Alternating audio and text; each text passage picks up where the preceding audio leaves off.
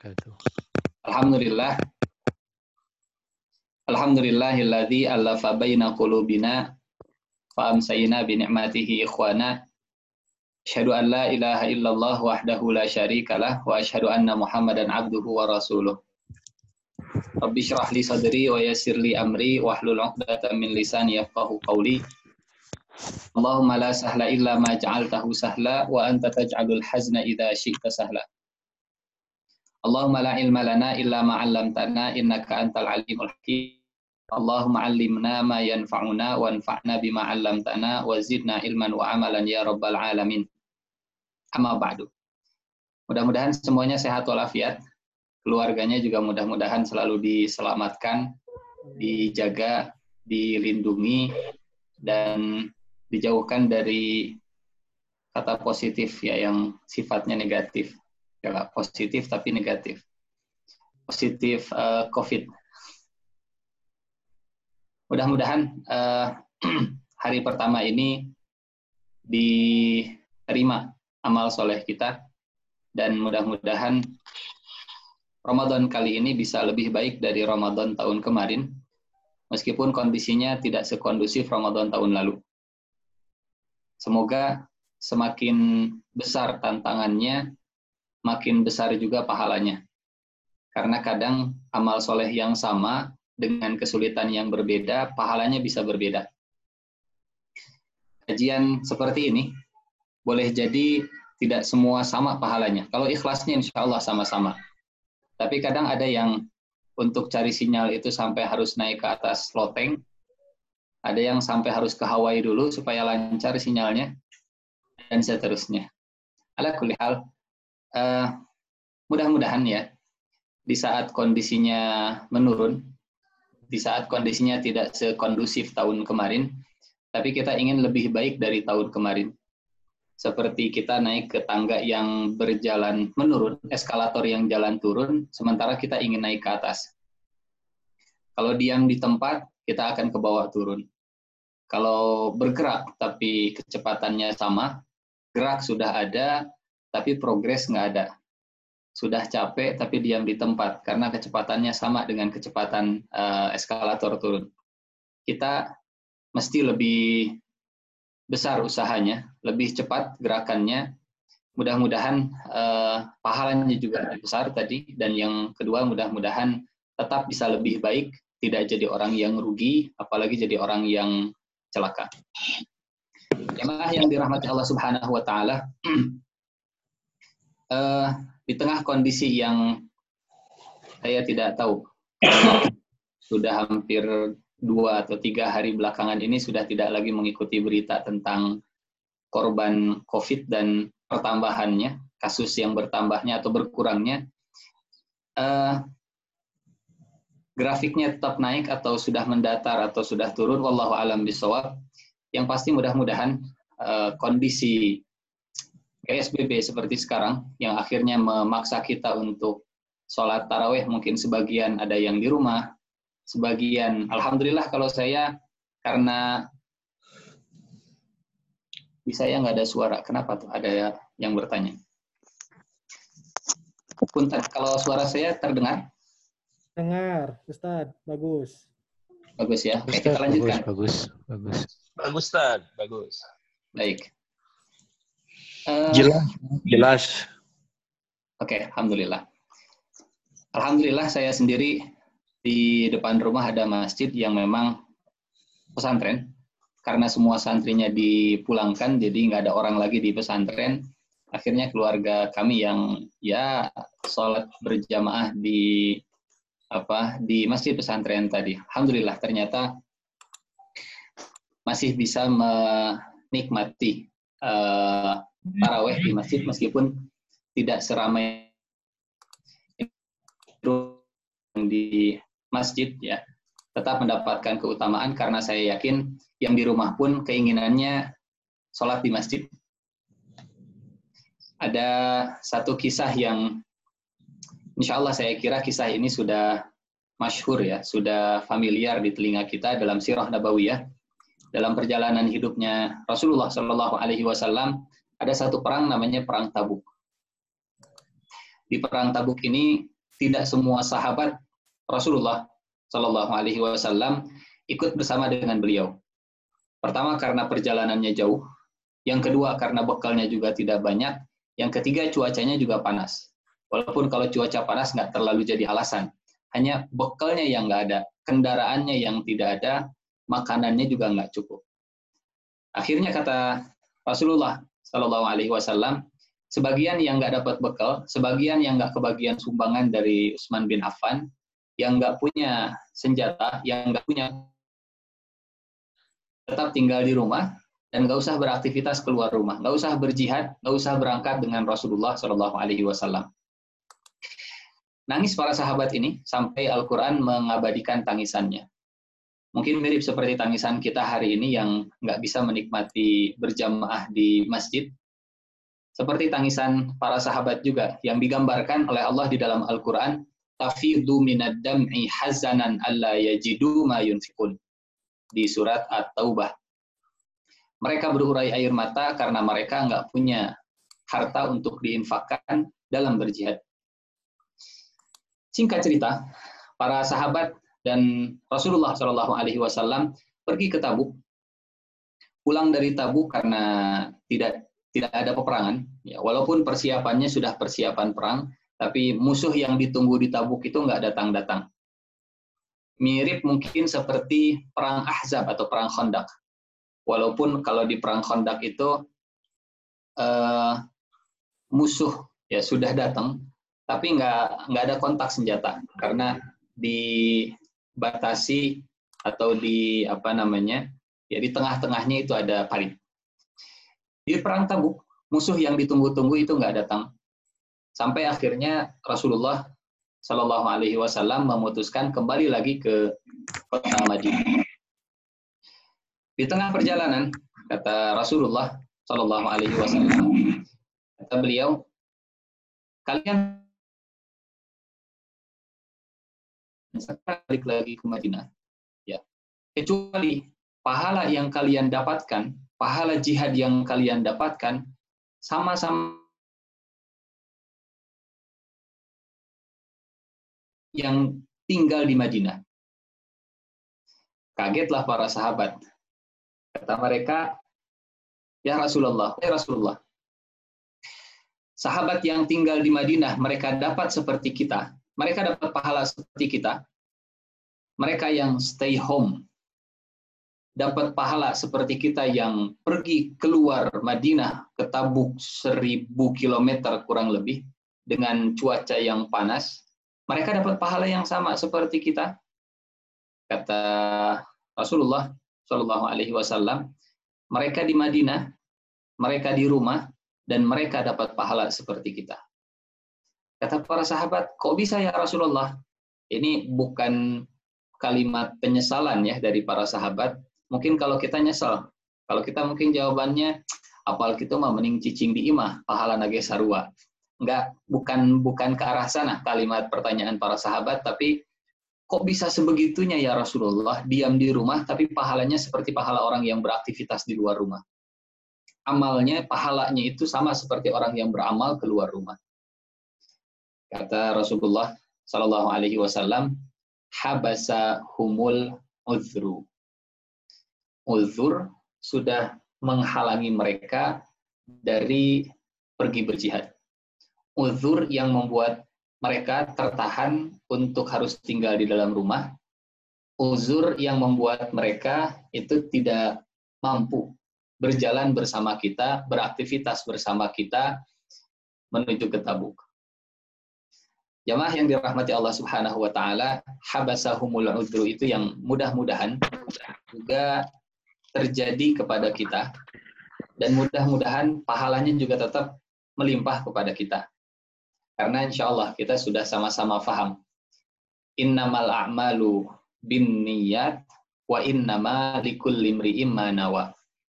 Semua amal itu tergantung dari niatnya dan setiap orang bakal dapat balasan tergantung dengan apa yang dia niatkan minimal dalam kondisi seperti ini, Ramadan dalam kondisi PSBB seperti ini, ya walaupun tadi kita ngobrol-ngobrol PSBB itu ternyata banyak singkatannya.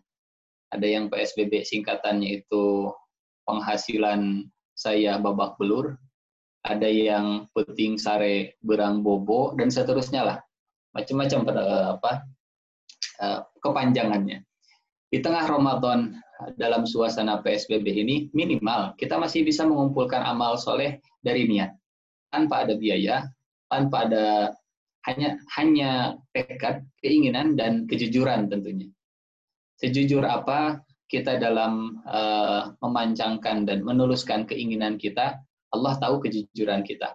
Dan kalau itu sudah ada, kalau ketulusan dalam niat itu sudah ada, mudah-mudahan pahalanya tetap diberikan.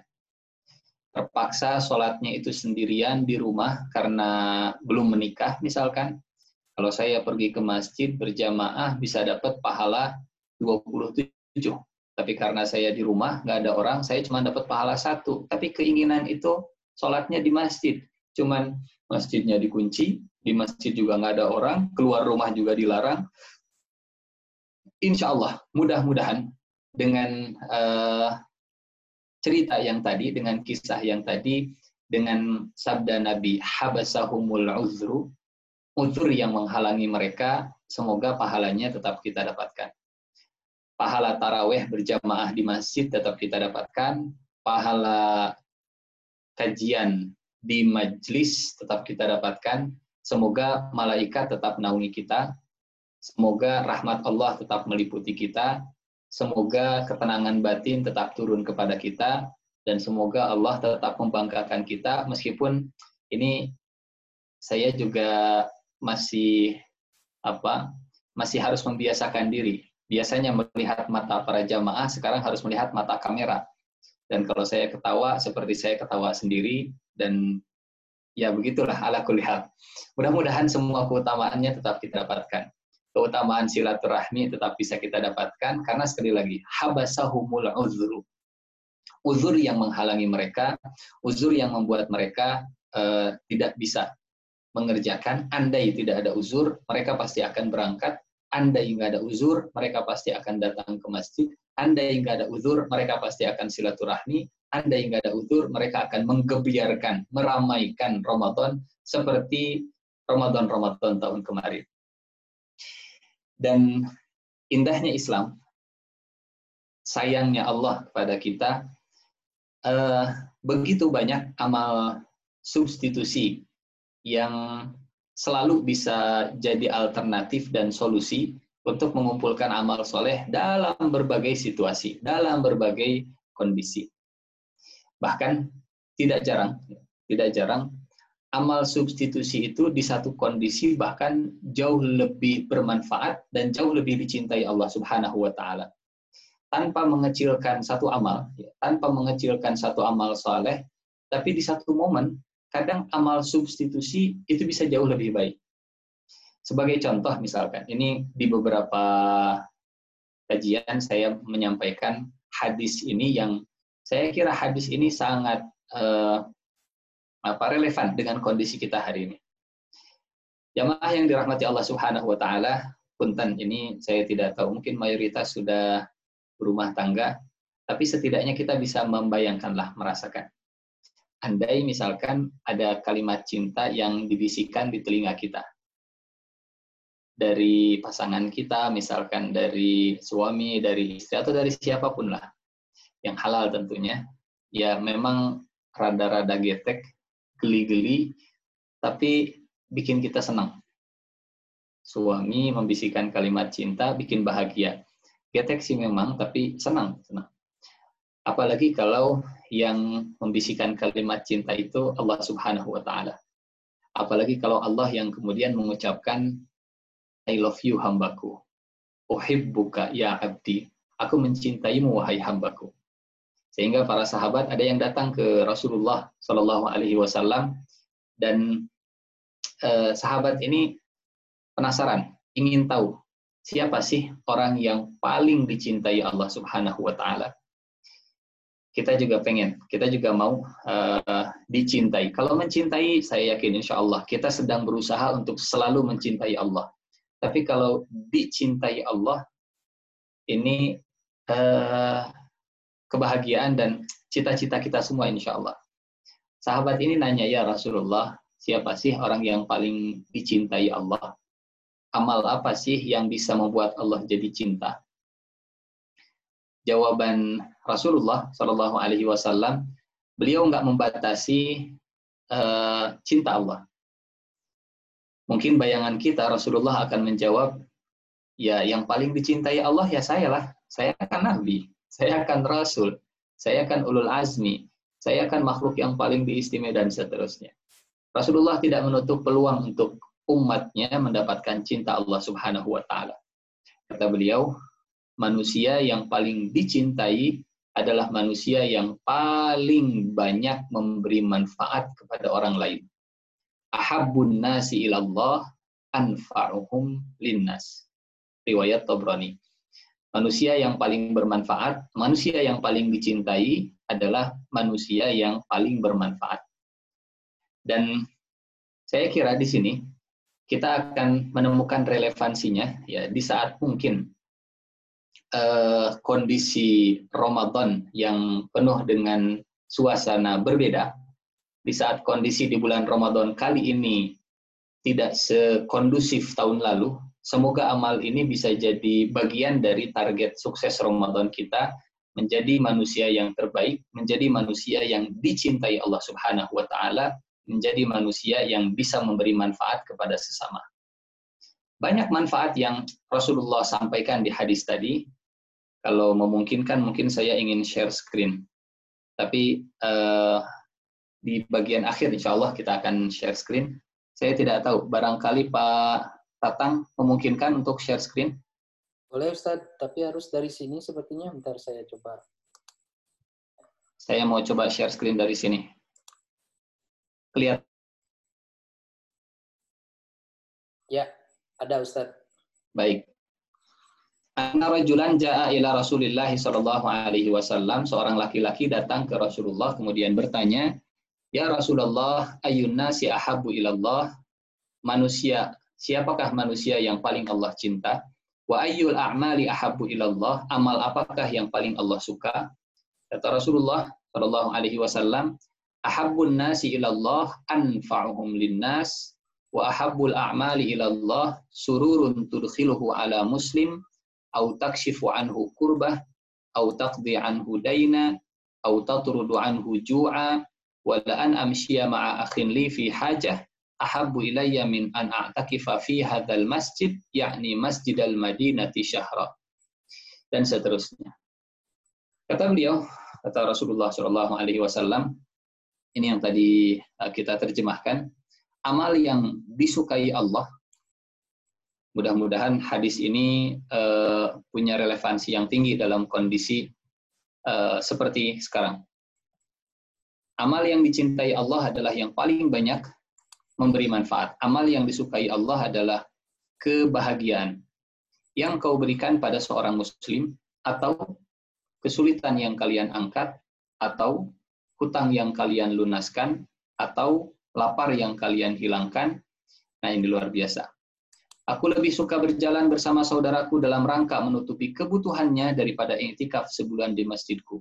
Siapa yang bisa menahan amarahnya, Allah tutup auratnya. Siapa yang mampu menahan murkanya padahal dia mampu melampiaskan, Allah berikan rasa aman di akhir.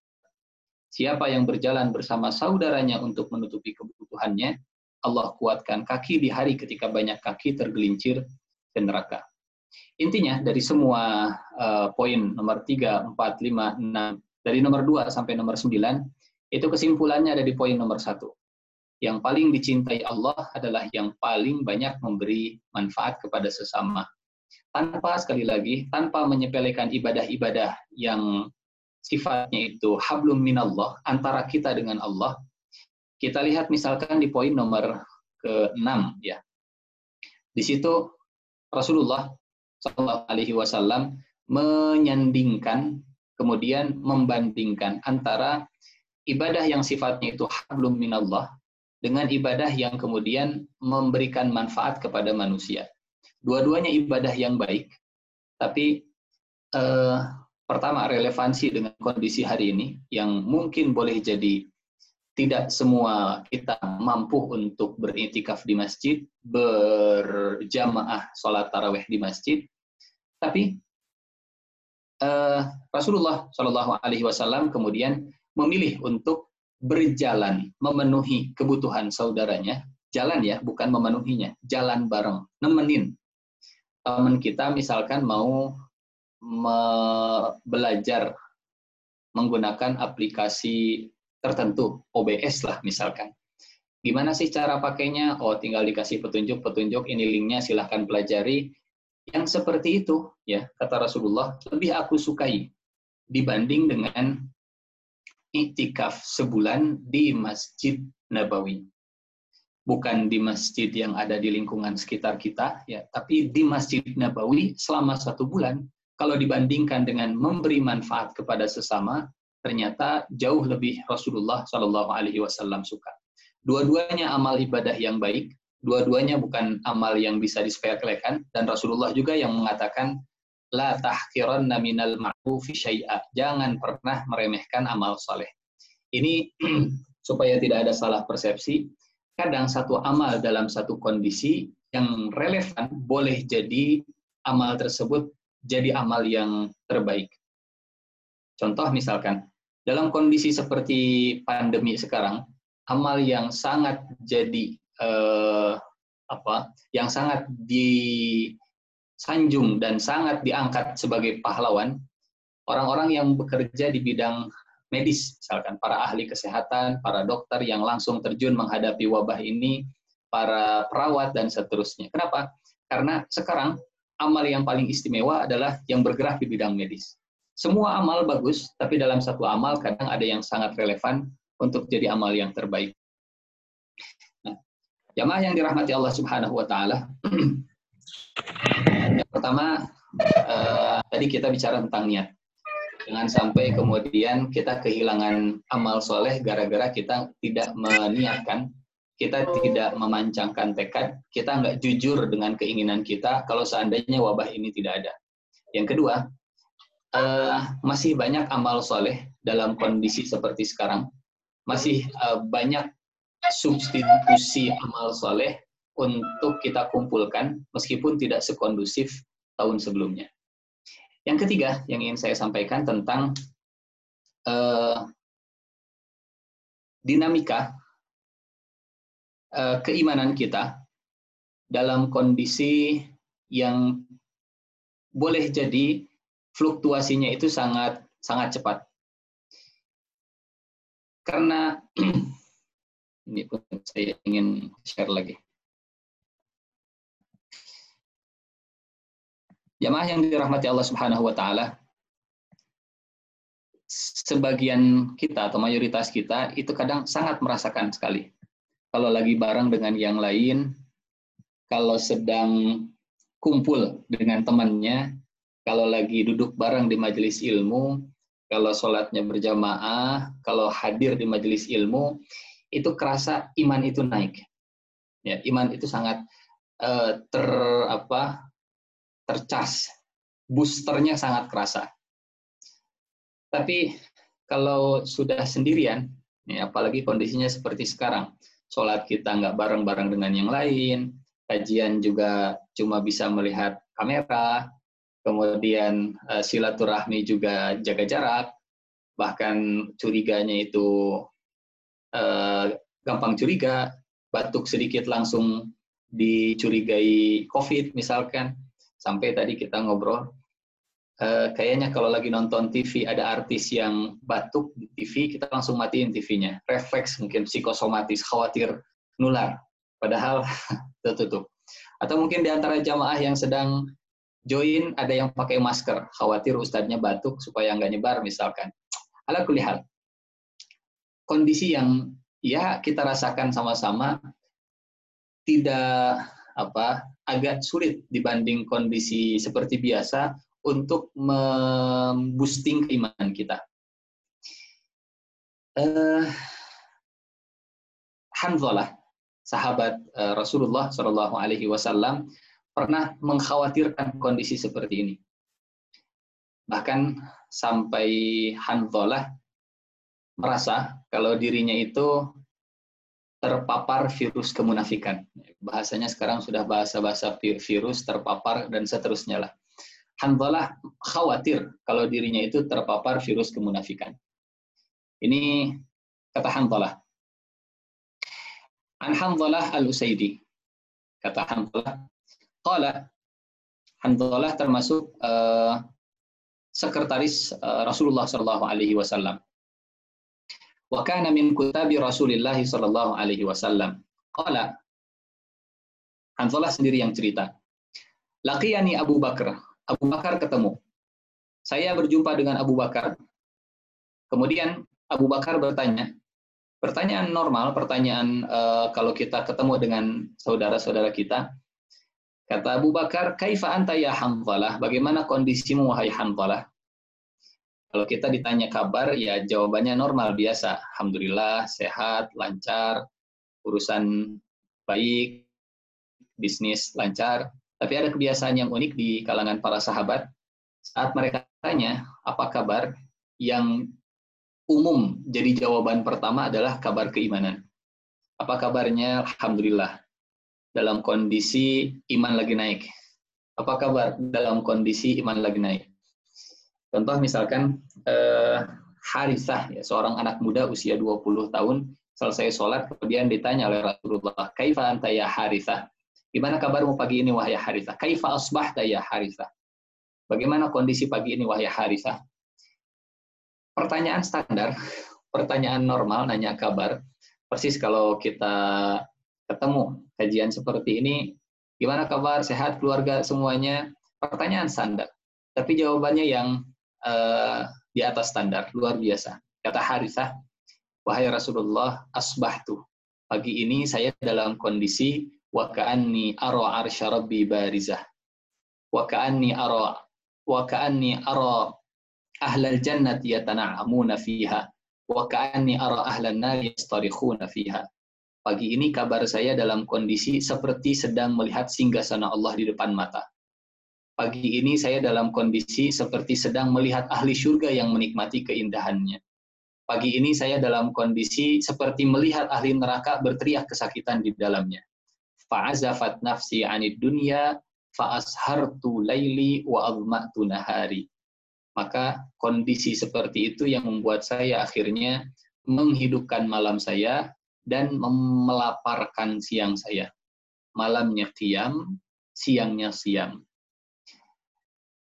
Hanzalah juga sama, ditanya oleh Abu Bakar, Kaifa anta ya Hanzalah? Bagaimana kabarmu wahai Hanzalah? Jawaban Hanzalah, Masya Allah, sahabat, ditanya kabar, jawabannya, nafaqo Hanzalah.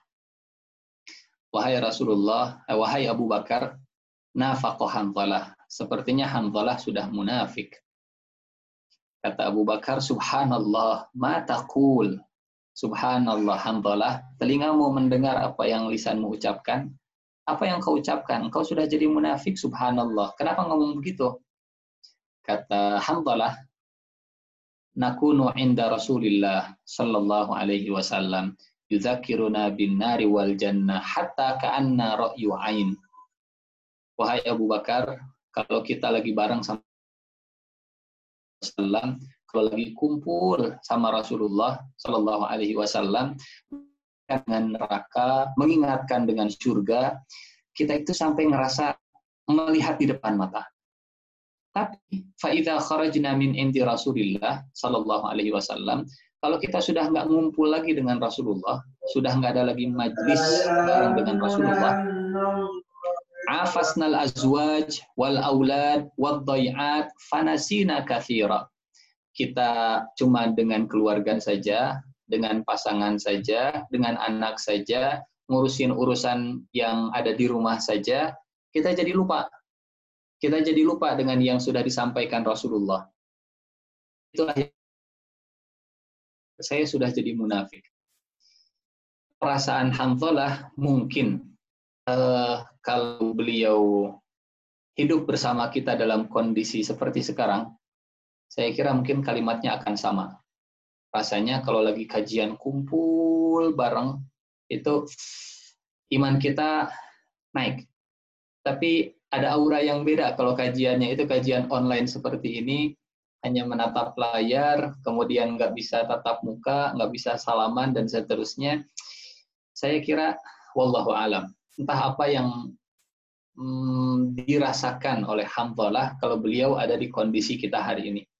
Kalau dulu saja bareng dengan Rasulullah, pulang ke rumah, main dengan keluarga, Hamdalah sudah merasa munafik, apalagi kalau sudah lama nggak ke masjid, sudah lama nggak jumatan, sudah lama nggak kajian, sudah lama nggak silaturahmi, entah apa yang merasuki kita, kalau kita juga nggak merasa khawatir seperti yang dikhawatirkan oleh Hamdalah.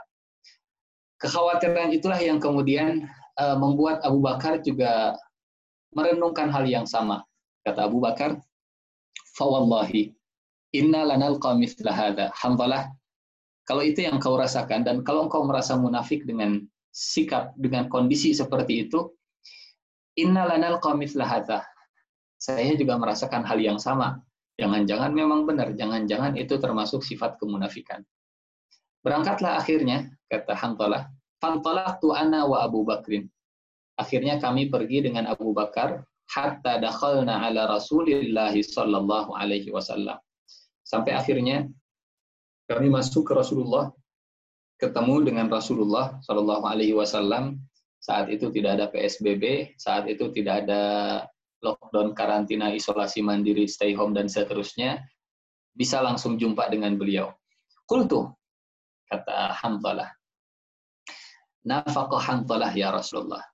Wahai Rasulullah, Hamzalah sudah jadi orang munafik. Ini yang nggak munafik, tapi ngaku munafik. Masya Allah.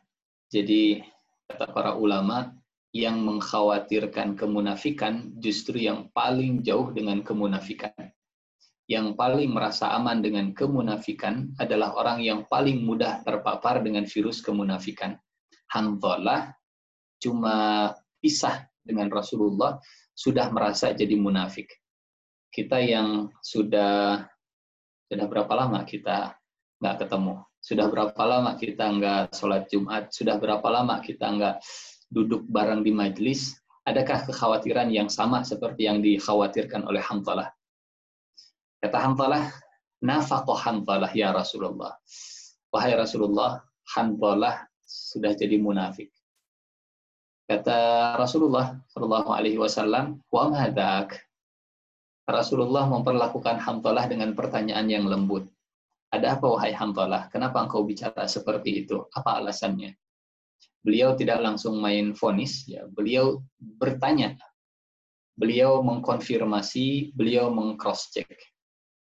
Jamaah yang dirahmati Allah Subhanahu wa taala, sering rasanya uh, saya menceritakan kisah ini jangankan Rasulullah Shallallahu Alaihi Wasallam, Allah saja masih bertanya ke iblis saat iblis menolak sujud kepada Nabi Adam alaihi salam. Padahal tanpa bertanya Allah sudah tahu. Tapi Allah tetap bertanya, iblis kenapa nggak mau sujud? Iblis ada apa masalahnya? Iblis bukankah ini perintah saya? Kenapa? Apa yang menghalangimu untuk sujud? Ma mana'aka antasjud. Bukan karena Allah tidak tahu, bukan karena Allah itu tidak bisa memfonis tanpa harus bertanya, tapi Allah ingin mengajarkan tanya dulu sebelum kemudian uh, memberikan fonis. Jangan-jangan ada alasan yang kemudian bisa dijadikan uh, ya landasan logisnya untuk mengeluarkan sebuah keputusan. Kata Rasulullah Shallallahu Alaihi Wasallam, wa madak, apa itu wahai Hamzalah? Kenapa wahai Hamzalah? Kata Hamzalah, ya Rasulullah, nakunu indaka tudzakiruna bin nari wal jannah hatta ka'anna ra'yu ain. Fa'idha kharajna min indika afasna al-azwaj wal aulad wal dai'at nasina kathira. Seperti yang Hamzalah ceritakan tadi ke Abu Bakar. Kalau dengan engkau iman kita naik, kalau nggak dengan engkau iman kita lagi turun. Sementara di bulan Ramadan ini kita dipanggil sebagai orang-orang yang beriman untuk menjalankan ibadah saum. Ya ayyuhalladzina amanu. Dan persiapan iman kita kalau membandingkan dengan kondisi Hanzalah, persiapan iman kita rasanya nggak semantap sebelum bulan Ramadan. Sebelum uh, sebelum sebelum Ramadan sebelumnya. Apa jawaban Rasulullah Shallallahu Alaihi Wasallam? Ini bukan untuk melegitimasi, tapi juga tapi uh, niat saya sebagai uh, basyiril mukminin, ya, sebagai penghibur bagi kita, karena kondisinya memang kita nggak ya keinginan ada, tapi habasahumul uzru tadi. Kekhawatiran itu juga tetap harus ada, tapi Rasulullah kemudian memberikan hiburan untuk kita. Kata beliau, Walladhi nafsi biyadih.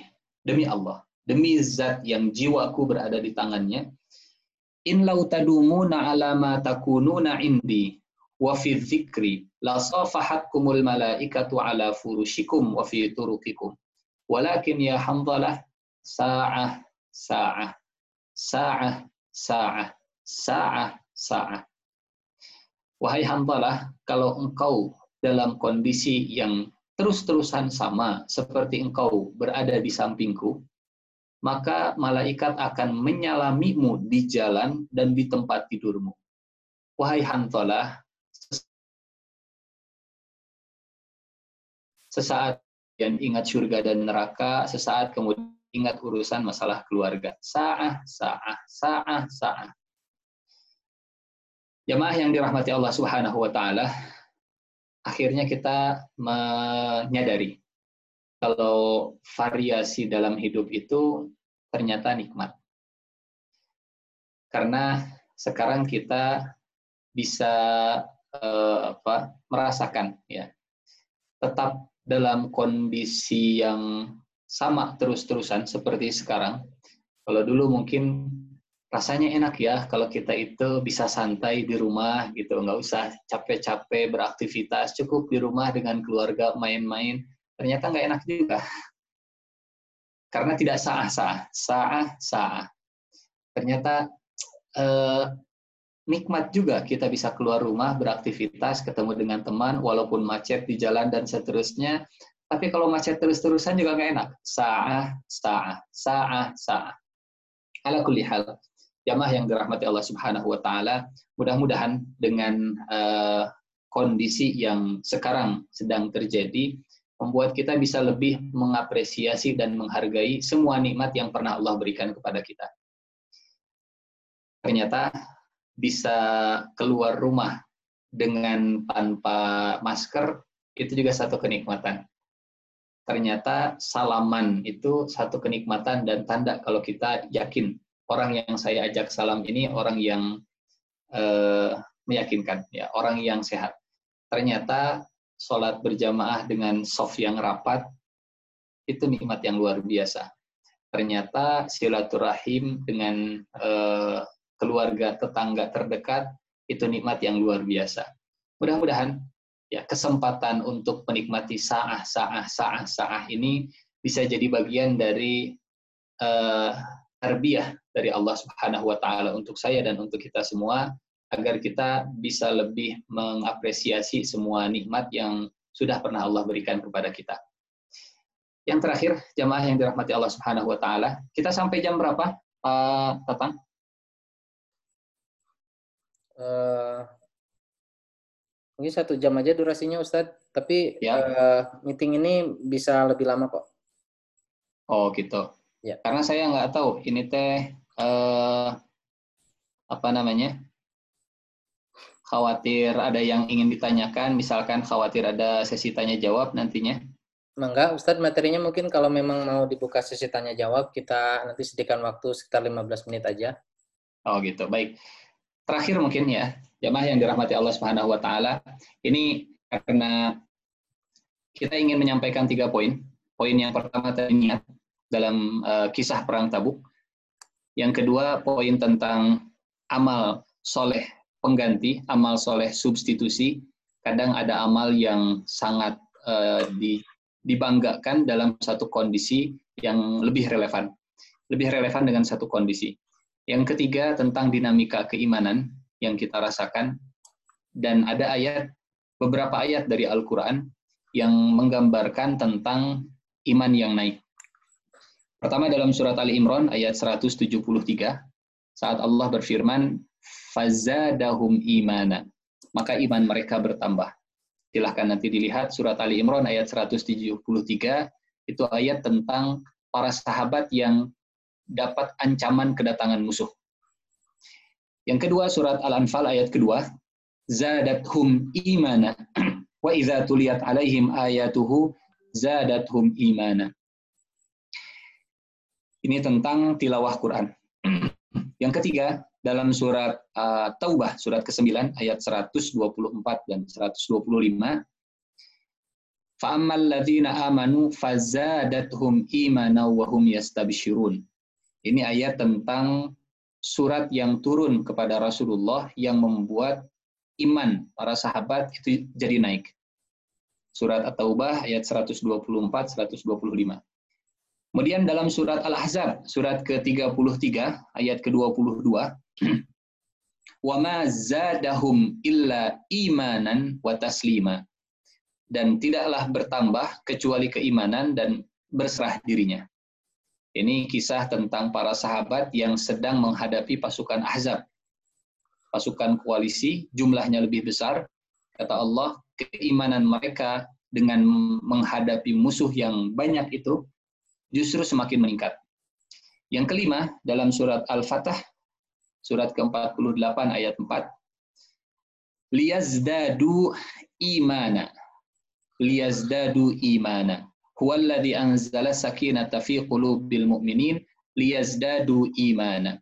Ini tentang ketenangan yang Allah turunkan kepada orang beriman sehingga iman mereka bertambah.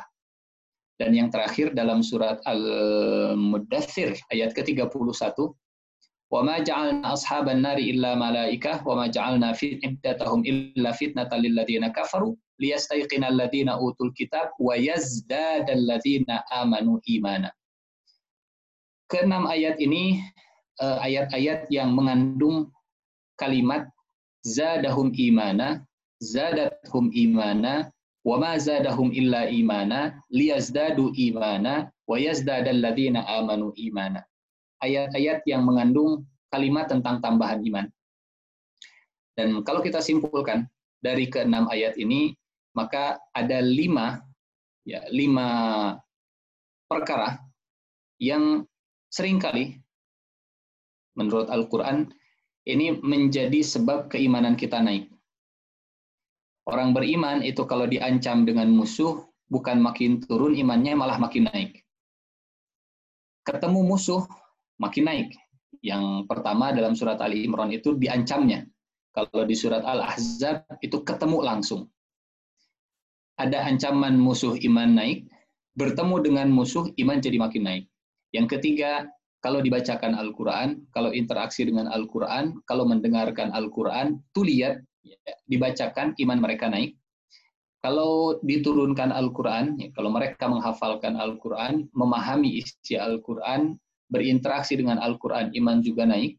Dalam surat Al-Fatah, kalau mereka mendapatkan ketenangan dengan zikir, ala bizikrillahi tatmainnul qulub, dengan majlis ilmu, ada sakinah di majlis ilmu, iman jadi naik.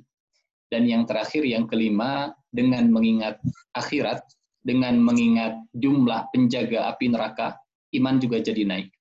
Kelima ayat ini, atau keenam ayat ini dengan lima amal yang bisa menambah keimanan kita, mudah-mudahan bisa menjadi bagian dari solusi dinamika keimanan yang tadi dirasakan oleh Hamzalah dan saya kira juga sama-sama kita rasakan dalam kondisi seperti ini. Karena berjamaah itu ternyata bisa memboosting keimanan kita. Sendiri-sendiri seperti ini, meskipun kita tetap berjamaah dengan keluarga, tapi rasanya beda kalau di rumah dengan di masjid ya berkumpul dengan yang lain itu beda. Tatap muka itu ternyata bisa memboosting keimanan kita. Wallahu alam bisawab, jamaah yang dirahmati Allah, ini tiga poin dari pertemuan kita di malam ini. Ramadan di tengah pandemi, ya mudah-mudahan uh, sukses di tahun ini Ramadan kita, mudah-mudahan ketakwaan bisa kita dapatkan.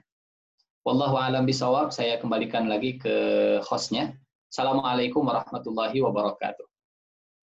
Waalaikumsalam warahmatullahi wabarakatuh. Terima kasih Ustadz Abe. Uh, ini kalau misalkan kita mau ada uh, tanya jawab bisa ya Ustadz ya? Boleh Mangga. Uh, mungkin supaya tidak ini, mohon yang mau bertanya bisa kirim chat ke saya supaya uh, saya bisa enable audionya jadi tidak tidak rame-rame. Mangga silakan uh, yang mau bertanya dikirim ke chat dulu ID-nya yang mana atau siapa.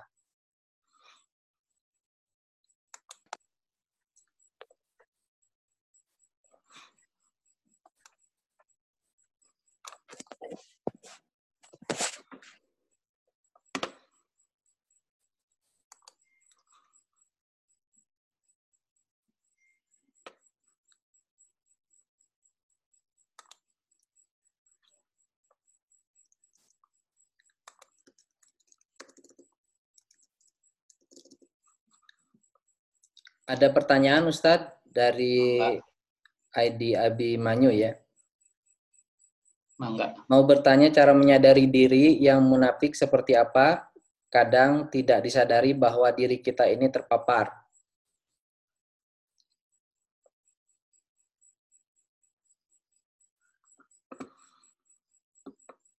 Tabi'in, saya lupa namanya. Kalau nggak salah Hasan Al-Basri. Kata beliau, saya khawatir dengan virus kemunafikan, khawatir terpapar dengan virus kemunafikan. Dan ya, makin kita khawatir, mudah-mudahan makin dijauhkan. Makin kita nggak peduli, khawatir justru yang nggak peduli itu yang gampang terpapar. Ini berbeda ya dengan masalah kesehatan. Kalau masalah kesehatan kita di apa namanya dianjurkan untuk tetap berbahagia, meskipun kita juga harus waspada. Tapi dalam masalah kemunafikan, makin takut dengan kemunafikan, makin uh, mengkhawatirkan kemunafikan, justru imunitas terhadap kemunafikan itu akan makin makin menguat.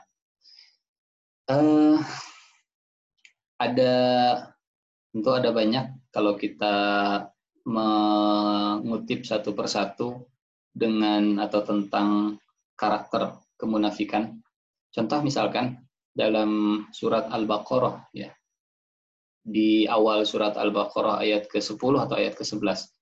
Kata Allah, "Wa idza qila lahum la tufsidu fil ardi qalu innama nahnu muslihun ala innahum humul mufsiduna walakin la yash'urun." Di antara sifat orang munafik itu kalau mereka dikasih tahu jangan merusak, mereka bilang kita nggak merusak, kita ini sedang memperbaiki. Dan mereka nggak sadar, mereka eh, apa namanya, mereka nggak ngeh kalau yang sedang mereka lakukan itu justru merusak, tapi sudah dinasehati. Kekehnya itulah yang kemudian membuat eh, terpapar virus kemunafikan. Atau bisa dilihat ini ya dalam kondisi seperti ini saya kira eh, bisa jadi apa? Bisa jadi ayat yang sangat relevan. Saya ingin share screen surat At-Taubah ya. Surat At-Taubah bisa kelihatan? Terlihat? Terlihat, Ustaz. Oke. Surat At-Taubah ayat ke-75. A'udzu billahi minasyaitonir rajim. Bismillahirrahmanirrahim. Wa minhum man 'ahadallah la in atana min fadlihi lanasaddaqanna wa lanakunanna minas salihin. Falamma atahum min fadlihi bakhilu bihi wa tawallaw wa hum mu'ridun fa'aqabahum nifaqan fi qulubihim ila yaumi yalqaunahu bima akhlafullaha ma wa'aduhu wa bima kanu yakdzibun. Ada orang yang mereka berjanji ke Allah, ya Allah, seandainya seandainya Engkau berikan aku limpahan harta, saya akan berinfak sebanyak-banyaknya. Tapi setelah Allah kasihkan harta, ternyata dia jadi bakhil. Maka Allah hukum dengan kemunafikan di dalam dirinya. Ya Allah, seandainya virus COVID ini selesai, saya akan memakmurkan masjid, saya akan menggebiarkan, saya akan sholat taraweh di masjid. COVID-nya selesai, ke masjidnya enggak khawatir dihukum dengan kemunafikan. Ya Allah, saya janji kalau seandainya wabah COVID sudah selesai, pengen hadir ke majelis ilmu, semua majelis ilmu pokoknya pengen saya datangi. Ternyata enggak enak kajian online seperti ini kurang greget rasanya nggak bisa silaturahmi dengan saudara. Ya Allah, kalau wabah sudah selesai, saya pengen silaturahmi. Wabah selesai, ternyata nggak juga silaturahmi, ternyata juga nggak hadir di majelis ilmu. Fa'aqobahum nifaqo. Khawatir kemudian dihukum dengan kemunafikan. Khawatir atau di antara sebab ya terpapar virus kemunafikan kalau banyak janji kita ke Allah yang kemudian terlalu sering dilanggar Mual deui ya Allah nggak akan lagi-lagi saya berbuat maksiat. Eh dikerjakan lagi. Ya Allah tobat eh dikerjakan lagi. Walaupun Allah Maha penerima taubat ya. Walaupun dosa syirik itu kalau taubat pasti bakal diampuni, tapi khawatir kalau terlalu sering melanggar janji, ya Allah, ini yang terakhir kali saya bermaksiat. Mual ngomongkan batur deh, ya Allah, astagfirullah, eh ngomongkan deh. Ya Allah, mual deh, eh ngomongkan deh. Fa'aqobahum nifaqan fi qulubihim ila yaumi yalqaunahu bima akhlafullah ma wa'adu. Maka Allah menghukum dengan kemunafikan pada hati mereka sampai mereka menemui Allah karena mereka telah ingkar janji kepada Allah. Tanpa menutup pintu taubat, tapi khawatir ya, khawatir mudah terpapar virus tersebut, virus kemunafikan kalau terlalu sering melanggar janji dengan Allah Subhanahu wa taala. Wallahu alam bisawab. Ada lagi? Baik, satu lagi aja Ustadz. Ini ada uh, pertanyaan dari Mas Eko Marviandi. Uh, bagaimana kita menyikapi pandemik ini dari sisi yang lain? Yaitu apakah ini juga ada unsur lain? Seperti apakah ini termasuk virus yang sengaja direkayasa oleh pihak tertentu? Bagaimana kita ya. bisa berlepas diri? Caranya berlepas diri dari prasangka seperti itu, walaupun banyak tanda tanya juga atas pandemik ini. Demikian. Ya, baik. Uh, beberapa kajian sebelumnya ada jamaah yang nanya begini, Ustaz, di Al-Quran ada nggak sih ayat yang menceritakan kondisi hari ini yang yang benar-benar mirip banget gitu sampai kita itu harus sholat di rumah, kita itu khawatir kalau harus berjamaah di masjid, kita itu kalau berkerumun khawatir terbunuh, dan seterusnya. Ada nggak sih di Al-Quran yang menggambarkan seperti ini? Uh, jamaah yang dirahmati Allah Subhanahu wa Ta'ala, pertanyaan yang menarik sampai membuat uh, apa memotivasi atau memaksa dalam tanda petik memotivasi untuk kembali mentadaburi ayat Al-Quran dan menggali dari Al-Quran. Karena kita punya keyakinan uh, Al-Quran itu selalu bisa jadi panduan dalam segala keadaan. Akhirnya, Masya Allah, luar biasa. Semua ada di Al-Quran. Semua uh, dipandu oleh Al-Quran. Bisa dilihat dalam surat Yunus ayat 87. Dan nanti kalau ada waktu luang, dan harus ada waktu luang untuk membaca tafsirnya. Surat Yunus ayat 87. Kata Allah, dan kami wahyukan kepada Nabi Musa dan Nabi Harun, ambillah oleh kalian berdua beberapa rumah di Mesir untuk tempat tinggal bagi Bani Israel. Kemudian, jadikan oleh kalian rumah-rumah itu tempat sholat. Jadikan oleh kalian rumah-rumah itu sebagai kiblat. Jadikan rumah-rumah kalian sebagai pusat aktivitas. Dirikanlah sholat di rumah itu dan gembirakanlah orang-orang yang beriman. Saya kemudian membuka kitab tafsir Ibnu Katsir. Di situ ada pendapat dari Mujahid. Kata Imam Mujahid, ini kalau kita tampilkan tafsirnya, redaksinya begini, kata Ibnu Katsir. Redaksi dalam bahasa Arabnya. Waqala Mujahid Waqala Mujahid, kata Imam Mujahid, terlihat mungkin apa yang saya blok ya. Ada Ustaz. Waqala Mujahid, kata Imam Mujahid, waj'alu buyutakum qiblah, makna dari ayat dan jadikanlah rumah kalian itu sebagai kiblat, sebagai pusat, sebagai tempat ibadah. Nah, ayat ini adalah lamma khafa banu Israila min fir'auna an yuqtalu fil kanaisil jami'ah. Saat Bani Israel mereka ketakutan dibunuh oleh Fir'aun kalau mereka berkumpul di tempat-tempat ibadah jami'nya, umiru an yaj'alu buyutahum masajid mustaqbilal Ka'bah. Maka mereka diperintahkan untuk menjadikan rumah mereka sebagai masjid, rumah mereka dirubah jadi masjid, jadi tempat sholat, mustaqbilal Ka'bah, menghadap ke Ka'bah. Jadi saya kira kondisinya dengan kondisi hari ini, kalau berkumpul berjamaah di tempat ibadah sekalipun dikhawatirkan terpapar virus. Yang membedakan memang kalau dulu kalau dulu yang jadi sebab uh, jalan kematian itu Firaun dan pasukannya. Kalau sekarang yang jadi sebab jalan kematian itu kalau berkumpul virus coronanya. Nah, kalau dulu Firaun, kalau sekarang virus corona entah apakah virus corona itu dibuat oleh Firaun zaman sekarang itu walau alam bisawab lah. Saya tidak bisa memastikan gitu. Hanya di Al-Quran ada ayat yang seperti itu dulu yang jadi sebab kekhawatiran berkumpul di masjid di tempat ibadah berjamaahnya sampai harus ibadah di rumah itu Firaun dan pasukannya yang akan membunuh mereka. Kalau sekarang virus corona. Memang kita menyikapinya uh, harus seimbang lah Pertama karena kita juga diciptakan dari dua unsur yang berbeda, ya unsur langit dengan rohnya yang selalu membawa kita ke atas dan unsur bumi dengan tanahnya yang selalu membawa kita ke bawah. Roh dengan harapannya, bumi dengan realitanya. Artinya kita menjaga keseimbangan antara membangun harapan setinggi-tingginya dan melihat realita selogis-logisnya keseimbangan inilah yang yang paling apa namanya paling dibutuhkan sekaligus juga paling sulit untuk didapatkan. Sikap tawazun sikap yang seimbang antara roh dengan materi antara membangun harapan dan menjaga kewaspadaan.